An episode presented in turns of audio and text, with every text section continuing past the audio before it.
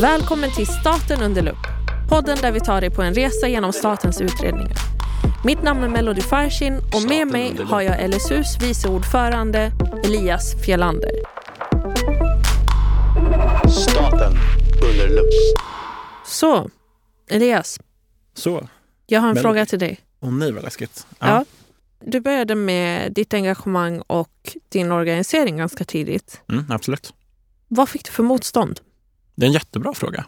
Jag tror att vi eh, liksom lever i ett samhälle som inte är uppbyggt för att människor ska engagera sig ideellt. Man är så uppbunden i skola, man är så uppbunden i läxor, man är så uppbunden i pluggarglosor att man inte har tid och kanske framförallt att man inte har ork och energi att engagera sig. Jag tror att det är väldigt svårt för väldigt många. Det var väldigt svårt för mig att kombinera att plugga franskglosorna och hinna läsa propositionerna till nästa års möte. Liksom. Godis. Vad är proposition? Godis äter. Jaha. Jag tuggar. Jag gör inte jättemånga grimaser. Nej, faktiskt inte. Mm. Vi behöver mer salt. Mm, ja, jag fick massa salt. Nej, men proposition är ett förslag från... Alltså det är årsmötets termer så det är ett förslag från styrelsen till årsmötet. Mm. Ehm, och eh, i statsmannatermer så är en proposition ett förslag från regeringen till riksdagen och, liksom, och så vidare. Är liknande liksom, maktförhållanden. Du har sagt årsmöte flera gånger. Mm. Och man hör på ordet vad det är. Mm. Men varför är årsmöten så viktiga? Årsmöten är ju den, liksom, eller ett årsmöte är ju liksom den vanliga termen eller det vanliga ordet för en viss typ av möten. Mm. Där antingen alla medlemmar är välkomna eller ombud från lokalföreningar och så vidare. Och det är ju då den högst, det högsta beslutande organet i en förening. På samma sätt som att en årsstämma är det högsta beslutande organet i ett aktiebolag. Så är årsmötet i ideella organisationer. Och eh, om man har till exempel en styrelse i organisationen, då utses ju den ofta av årsmötet och rapporterar ofta till årsmötet. Och så. så att årsmötet är det mest demokratiska som finns i en förening. Mhm. Också det mäktigaste och det Okej. viktigaste. Oj, oj, Mm. oj. The hype just continues. Verkligen. Verkligen. Jag ska på årsmöte nästa lördag. Jag är så taggad. Vad ska du ha på Ja. dig? Det är Det har jag inte jätteviktigt. bestämt. Men jag har liksom en hel tvätthög. Jag, jag bor i ett hus med 250 lägenheter eller någonting med två tvättstugor. Ja, men jag alltså har det är liknande. omöjligt att få tvätt. Ja, Jag stod och handtvättade strumpor igår. ja. Ibland blir man desperat. Verkligen. Men, Men- eh, så att, så här, för att binda tillbaka till din fråga tidigare med hinder för organisering som jag upplevt. Jag skulle säga tiden, orken och energin. Men jag skulle också säga kunskapen. Okej. Att när jag var väldigt ny i engagemanget så jag, jag hade ett driv. Jag visste ungefär vilka frågor jag ville jobba med. Jag visste ungefär vad jag ville förändra. Men det fanns inte någon lättillgänglig kunskap för hur jag når dit. Mm. Jag tror att den här podden förhoppningsvis kan vara ett verktyg för den som tänker lika, lite liknande tankar som jag tänkte för fem, sex, sju år sedan. Liksom. Men hur löser du det? Det gjorde jag inte. Jag gjorde jättemånga misstag. Eh, och det gör man ju. Jag skrev stadgar som inte var helt perfekta, till exempel. Oförlåtligt misstag. Ehm, och så. Ehm, så att mycket trial and error. Mm. Eh, mycket trial and error. Men jag tycker det är intressant. Jag vill höra mer specifika exempel. Alltså jag skrev ett par stadgar där eh, numren inte stämde. Alltså vet, här, stadgar som ju är mm, liksom, en förenings motsvarighet till grundlag. Mm. Eh, paragraf 1.1, paragraf 1.2, Ja. paragraf 1.3. Och någonstans där hade jag glömt räkna med något. Så numreringen var fel. Ah, ja, ja, Så ja. pinsamt, så pinsamt, så pinsamt. Fast det kan hända. Det kan hända. Även i vuxen ålder väl? Ja, ja, absolut. Men cringear fortfarande när jag tänker på det. Ehm, nej, men jag tror att just det här kunskapsglappet mellan de som redan är frälsta så att säga och den som behöver frälsas. Alltså att det, det är väldigt lätt att rikta sig mot en publik som redan har den kunskapen som man själv har. Men det är svårare att nå ut till en målgrupp som man inte är van att rikta sig till. Vad hade du behövt? Jag tror att det behövs kanske ett mentorskap. Eller någon som jag kunde fråga, så här, bolla frågor. Vad ska jag göra? Vad är organisationens roll? Vad är min roll? Hur gör man? Hur styr man? Hur leder man? Vad ska jag som medlem göra för att påverka? Jag tror att idag finns det många fler, inte minst digitala kanaler, alltså hemsidor och poddar och, och Youtube-klipp och allt vad det nu är, än vad det fanns när jag var ung. Mhm. Eh, är ju mina hela 18 år gamla. Eh, så det skulle jag säga en sån sak. Mm. Du då? Vad har du stött på för hinder i ditt engagemang?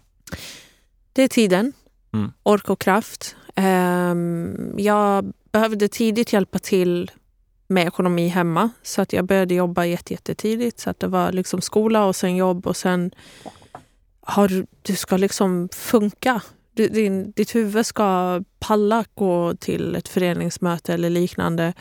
Och det ska inte krocka med eh, ditt arbetspass eller ditt plugg eller någonting annat heller. Plus socialt liv, dina vänner fyller år, det ena och det andra.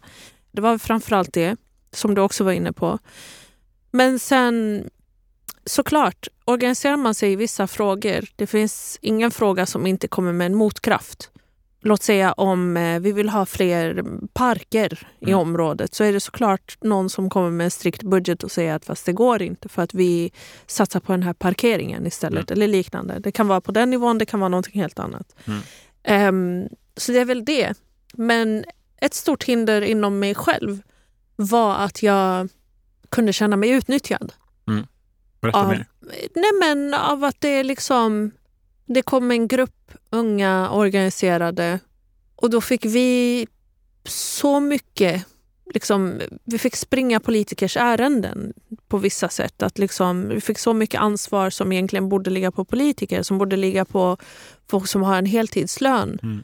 Ehm, att samla folk till olika informativa möten och liknande som gjorde att till slut började man ifrågasätta att så här, varför gör jag det här? Alltså det här är utöver... Visst, jag är engagerad men det blir lite så här... um, Nu gör jag det här för någon som har en heltidslön. Mm. Som hade kunnat göra det här på sina timmar. Istället för att jag ska komma på mina utbrända sista Mm. knappa timmar som jag har över och försöka liksom dela ut flyers till varendaste ungdom jag känner. Relaterar så hårt. Aha. Eh, jag tror att det liksom är en del av en utveckling vi befinner oss i där eh, offentlig sektor lägger mer och mer och mer ansvar för det invånarnära arbetet på civilsamhället. Alltså att istället för att kommunen eller staten eller någon myndighet ska tillhandahålla vissa tjänster åt invånarna så liksom kastar man det på civilsamhället. Mm. Jag tror att civilsamhällets roll har förändrats väldigt mycket under vår uppväxt. Att man har blivit mer av den typen av organisation som möter människor på ett annat sätt. Förmodligen. Förmodligen. Jag hoppas... För samtidigt som civilsamhället har blivit ett mer eh, eh, välkänt faktum Mm. så har också typ narcissismen vuxit. Eller kan man ens kalla det för det? Men att vara det här, det här egocentrerade har också vuxit. Mm. Ehm, jakten på social status och liksom vi lever i ett samhälle där alla är huvudrollen i sin egen reel och du vet, det är så mycket fokus på individen Ja. att det är svårt att motivera till varför man ska organisera sig kollektivt.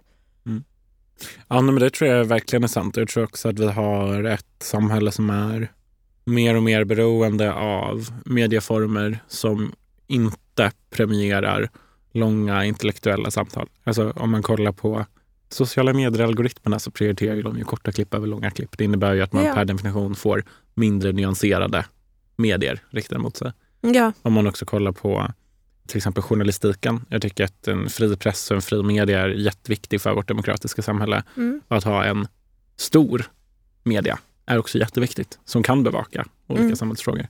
Men när man har en journalistik, kanske framförallt på lokal nivå, som håller på att dö ut. Liksom, redaktioner lägger ner, redaktioner slås ihop, redaktioner flyttas. Om man då bor i en mindre kommun, inte minst i landsbygder, glesbygder eller för den delen socioekonomiskt eftersatta områden i våra storstadsregioner. Hur ska man då bevaka det som händer i samhället Mm. om man inte har några journalister? Mm. Exakt. Men vad har du lyckats med via organisering? Oj. Jag fått ganska många gratis pins. Jag tror aldrig jag har köpt en pin. Nej. Jag tror aldrig jag har köpt en termos. Jag vet väl, det tror inte jag heller gjort. Tygpåse, termos, Ja. pins. Mm. Det, Istället för en lön. istället för lön. Exakt. Jag kan betala hyra i tygpåsar. Jag har så här, fyra krokar i min hatthylla i hallen. Och varje av, den, alltså varje av de fyra krokarna har en tygpåse som är full med andra tygpåsar. Ehm, nej men vad, vad har jag fått via engagemanget? Var det din fråga? Ja, men vad har du känt att du har lyckats med? Ja, vad har jag Någon... lyckats med? så mycket personlighetsutveckling. Mm. Ehm, lärt känna mig själv som person. Såklart också påverkat vilken personlighet jag har fått och blivit och formats i. Liksom. Typ alla mina vänner kommer Mm. från civilsamhället eller politiken på olika sätt. Mm. Möjligheter att påverka. Mm. Eh, möjligheter att sitta i regeringsdelegationer, sitta som expertpanel i myndigheters regeringsuppdrag, att eh, ha löpande kontakt med politiker i riksdag och regering och beslutsfattare i myndigheter och andra civilsamhällesorganisationer. Det är otroliga, fantastiska möjligheter Mm. som det verkligen är jättefå, tyvärr, Mm. som har tillgång till. Och det är väl kul för mig liksom, att jag har fått de möjligheterna, men så himla synd att det inte är fler som har dem. Det är fler. Eller liksom, såklart man kan ta del av Jag tycker jag känner igen mig i det du berättar. Mm. Jag tycker också att jag har fått eh, jättemånga vänner, framförallt från organisering. Jag har fått, eh, jag har fått en självsäkerhet. Jag har förstått att de här tankarna jag hade i mitt huvud var saker folk kunde känna igen sig i. Mm. Bara man började prata högt om det. Jag började få ett, eh, känna mig säkrare i vissa liksom, åsikter som jag hade. Till exempel om jag tyckte någonting uppfattades som orättvist enligt mig så kändes det mer eh, legit när man visste att det var flera Ja. som upplevde samma. Till exempel. På det hela, det finns de här momenten som man bär tungt. Jag minns att vi fick Hans Rosling att komma till Husby. Mm. Och det är bland de största momenten. Hur var det? Alltså det var jättefint och det var ju liksom många av oss visste inte riktigt vem han var. Nej. Men blev så fästa vid Mm. honom. Och han, han, är så, han var så extremt imponerande och när han gick bort blev jag genuint ledsen. Mm. För att han var en sån stark och positiv kraft. Ja. Han var så imponerande och ovanlig. Mm. Alltså han stack ut så mycket. Verkligen. Ehm, att Bank och Niva kommit både till Husby och Rinkeby för att prata om liksom, sociologi och politik. Mm. Och att det rymmer hela salar i orten med alla tuggare. Och inte bara för att prata på, alltså, fotboll, utan för att prata politiken bakom. Mm. Det är jätteintressant för mig att se. De momenten är stunder jag kommer bära med mig. Mm. Fan vad fett. Du nämnde lite att du har fått många vänner genom Mm. ditt engagemang. Ska vi säga att du har fått ovänner? Har du liksom mött ett motstånd? Ja, men det är väl en, en, del av så här, ja, men, eh, motståndet som man får av organisering. Såklart, du kategoriseras. Oavsett vilken fråga du eh, väljer att nischa dig inom så kommer du ha någon som säger någonting annat. Till och med om jag kategoriserar mig själv som en kattmänniska. Det är folk som direkt säger men jag är mer av en hundperson. Det är som att det blir... Ja. Det ena behöver inte utesluta det andra. Men eh, såklart, det, tycker du på ett sätt, eller tycker du att man, speciellt om du petar i att man fördelar resurser på ett felaktigt sätt, att satsningar borde göras på ett annat sätt, så kan det vara känsligt. Går man in på saker som att så här, ja, men det finns, man kräver erkännande Ja. utav saker som inte erkänns. Vi erkänner inte barnfattigdom än idag. Jag tycker det borde erkännas. Strukturell diskriminering, liksom att det finns. Eh, det är sådana saker som är en chock för mig. Att vi har en nationell, na- nationell kris i landet som tillåter unga män berövas. Det, det förstår jag inte heller. Mm. Hur det inte kan klassas som en kris. Men mitt tankesätt som är så logiskt för mig är ologiskt för någon som inte ser min verklighet. Jag har en tanke, jag försöker fånga den och formulera den. Mm. Men så här, vi har pratat, på, pratat om engagemanget och på civilsamhället som en gemenskapsstärkande faktor. Mm. Och vi har pratat om ojämlikhet och oförståelse för varandras olikheter som hinder Mm. för det förstnämnda. Hur kan vi se till att maximera den gemenskapen man känner, öka sammanhållningen och minska personers fördomar och eh, de orättvisor som finns i vårt samhälle? Det är en jättedjup Melody, Fråga. lös våra Lös samhällsproblem. våra samhällsproblem. Um, jag, jag har en eh, filosofi Mm. om att eh, det du har vidrört, det du känner, kan du inte ha samma fördomar om och det är alltid också det, det som gör att folk blir defensiva när de så här, um, typ så här, nej, nej, nej, men jag har en kompis som är... Okej, Okay. för det är exakt just den punkten som gör att folk också kan ha, vara defensiva med att så här, nej, nej, nej, men jag har en kompis som är muslim, jag har en kompis som är homosexuell, jag har en kompis som är si eller så eller liknande. Och då är det som att ah, men då är det clean. Då kan den personen inte vara homofob, den kan inte vara rasist, den kan inte vara det ena eller det andra. Det sträcker sig inte bara till vem du känner. Absolut inte. Jag vet att den filosofin Ja. inte Ja. håller. Men jag tror att får man inblick i varandras berättelser Mm. så får man också en ökad förståelse för varandra på ett helt annat sätt. Låt säga, eftersom jag kommer från standupen så kommer jag ta ett exempel från standupen. Um, jag hade en kollega som inte längre finns kvar, tyvärr. Eh, Noah Johansson, som eh, var standup-komiker. Han var ehm, en heterosexuell transvestit. Mm. Och när han körde på scen så välkomnade han in i sin värld, som man gör som standup-komiker. Och han var helt öppen liksom, och vi alla lärde känna honom och vi fick typ vara en del av hans liv under de 15 minuter som han faktiskt stod på scen. Och jag minns att jag catchade mig själv tänka, hur hade jag fått den här inblicken Mm. eh, i en heterosexuell transvestits liv Mm. på det här djupa sättet Mm.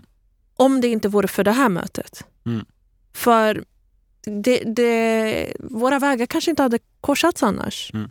Hur annars hade jag fått en Hur hade vi ens mötts på ett sätt där han blir så pass djup om det inte vore för att han stod på en scen? Mm. Vi kanske hade varit kollegor någonstans men han kanske inte hade delat med sig av sin livshistoria på samma sätt. Jag tycker att de mötena, och li, alltså liknande möten med folk som du inte har i din omgivning per automatik ökar din förståelse, Mm. ökar din inblick, ökar ditt perspektiv. Mm. Jag fattar att för någon som kanske inte känner till, ja men inte alls känner någon muslim så låter hela konceptet med ramadan jätteförvirrande. Mm. Eh, och det är därför man får frågor som inte ens vatten och alla de här klassiska frågorna. Men om det, det räcker med att en person förklarar egentligen. Det räcker med att det finns en inblick i det, att de kanske välkomnas till en iftar. Så helt plötsligt så har man en helt annan förståelse, hoppas jag. Mm. Är jag ute och cyklar? Nej, men jag tänker att du är inne på ett väldigt bra spår. Att det är genom personliga möten som man överbrygger sina liksom, olikheter. Och det är genom kunskap och förståelse och såklart en välvillig inställning som vi också säkerställer att folk känner en gemenskap och tar hand om varandra. Så det makes sense. Ja, man måste ju vara mottaglig för det. Om man går in i en fientlig insikt, det spelar ingen roll Nej. vem du möter, hur djupa berättelser du hör. Såklart. Men just det här äh, möten som inte hade skett på grund av platsen du bor på eller där du rör dig.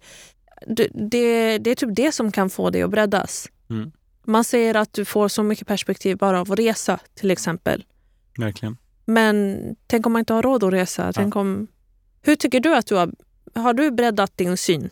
Kan du komma på något tillfälle där du bara liksom kände att den här inblicken hade jag aldrig haft om det inte vore för det här mötet? Jättebra fråga. Jag var i New York Okej. i eh, september förra året. Eh, Jag åkte ihop med, eh, eller jag blev, eller jag blev inbjuden av och åkte ihop med Unicef Sverige. Det var jag och så var det Josefin Fält som då var ordförande i Sveriges elevkårer som är en av LSUs medlemsorganisationer och så var det fantastiska Shanti och Micke på Unicef Sverige eh, som åkte till ett eh, väldigt coolt high level möte, både deltog i delar av en, ett möte som var i koppling till FNs generalförsamling som då pågick eh, och vi hade möten med massa andra som var engagerade i och genom Unicef runt om i världen. Eh, och jag träffade en indonesisk utbildningsinfluencer. Okej. Eh, Olivia heter hon. Ja. Och det här är liksom, hon har en Youtube-kanal med nästan en miljon prenumeranter. Mm. Där hon typ uppmuntrar barn och unga till att plugga. Mm. Hon har en miljon prenumeranter nästan. Hur? Nej, jag vet inte. Jag, det bor typ 200 miljoner människor i Indonesien. Ja. Så att, så här, många. Men, men Ja. liksom, hon och jag hade ju aldrig mötts annars. Nej, Det finns nej, nej. inte en chans att vi skulle ha träffats om det inte var för jag var engagerad. Unicef Ja, tyckte ja, det vore kul att jag följde med. Jag åkte med. Eh, jag var där. Vi råkade vara i samma vi gick en liksom, utbildningsvecka tillsammans i princip. Mm. Och gud vad jag lärde mig av henne. Både om typ hur man bygger ett cyber-community, eh, hur man försörjer sig genom sponsringar, men, men också väldigt praktiskt om så här, hur annorlunda det är att bo i ett Mm. land som har så många människor. Sverige är ett väldigt litet land, 10 Mm. miljoner är en väldigt liten befolkning. Mm. Indonesien är bara så här, sjätte eller sjunde största landet i världen. Det är jättestort. Eh, så mycket om hur eh, olika former av naturföroreningar drabbar eh, de som bor i det landet hon är från. För det är ju ett, en önation med tusentals öar. Liksom, och plastföroreningar och annat har enorm inverkan på deras miljö och deras mat också. Mm. Fisken blir förgiftad av plast, mikroplaster Usch. och så vidare. Så det, det var väldigt formande, förutom att så här, det var jättekult att vara i New York och se FN skrapa från insidan. Och. Men det personliga mötet Mm. var otroligt lärorikt för mig. Du fick lära känna en youtuber. Jag fick lära känna en youtuber. Jag fick inte- till och med en shoutout på hennes Instagram. Wow, Mm. du ser. tror dock tyvärr att de flesta av hennes följare inte pratar svenska. Om de Fortfarande? Men eh, ja, nej men gud. Nej men alltså fan, det var riktigt coolt. Jag, tror, jag hoppas också att det var lärorikt åt det andra hållet. att hon Ja, lärde sig det något om att bo i ett pytteland som Sverige.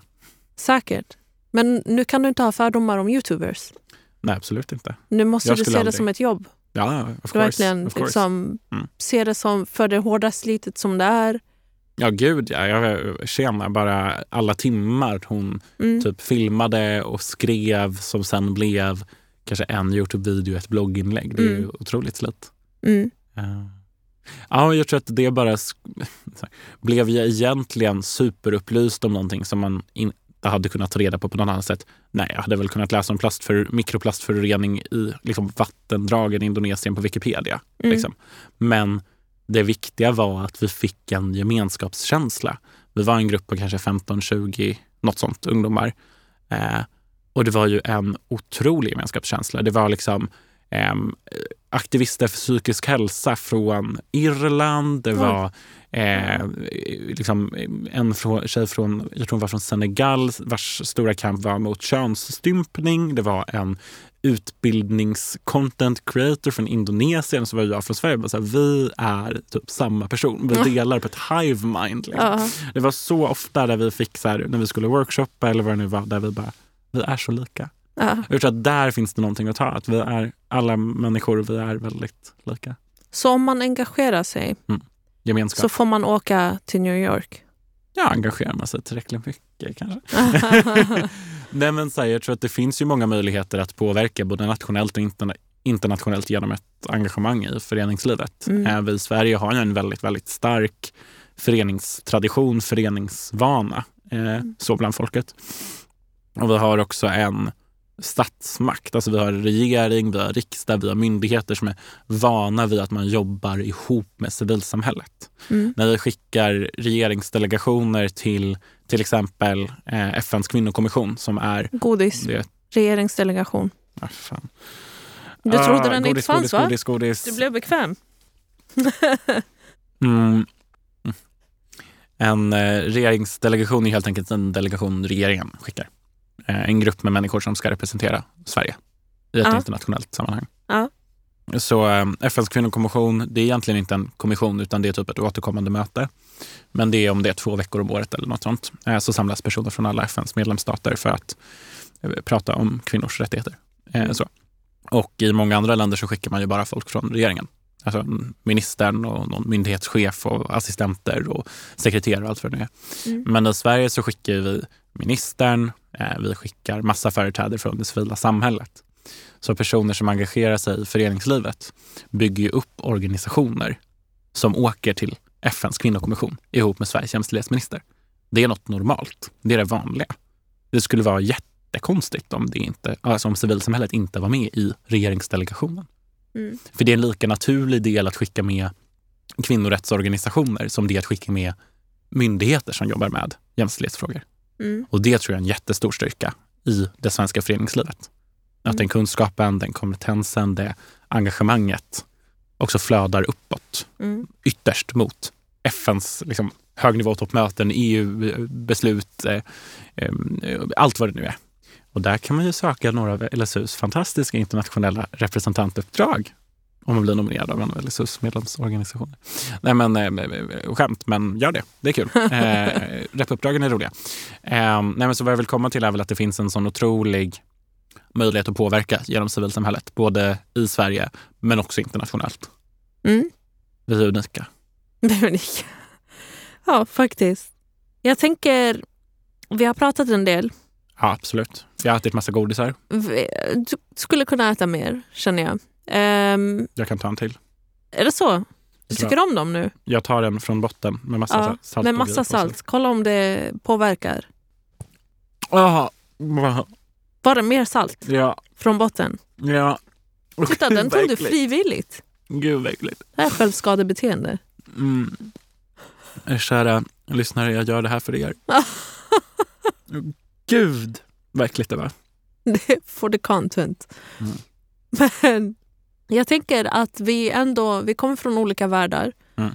Vad hade du kunnat lära dig av mig och vad hade jag kunnat lära mig av dig? Jag tänker att det första lärdomen är att vi inte alls är från så här olika världar. Mm. Vi båda i Sverige. Eh, vi har kommit fram till att vi båda har någon form av persiskt påbrå. Liksom.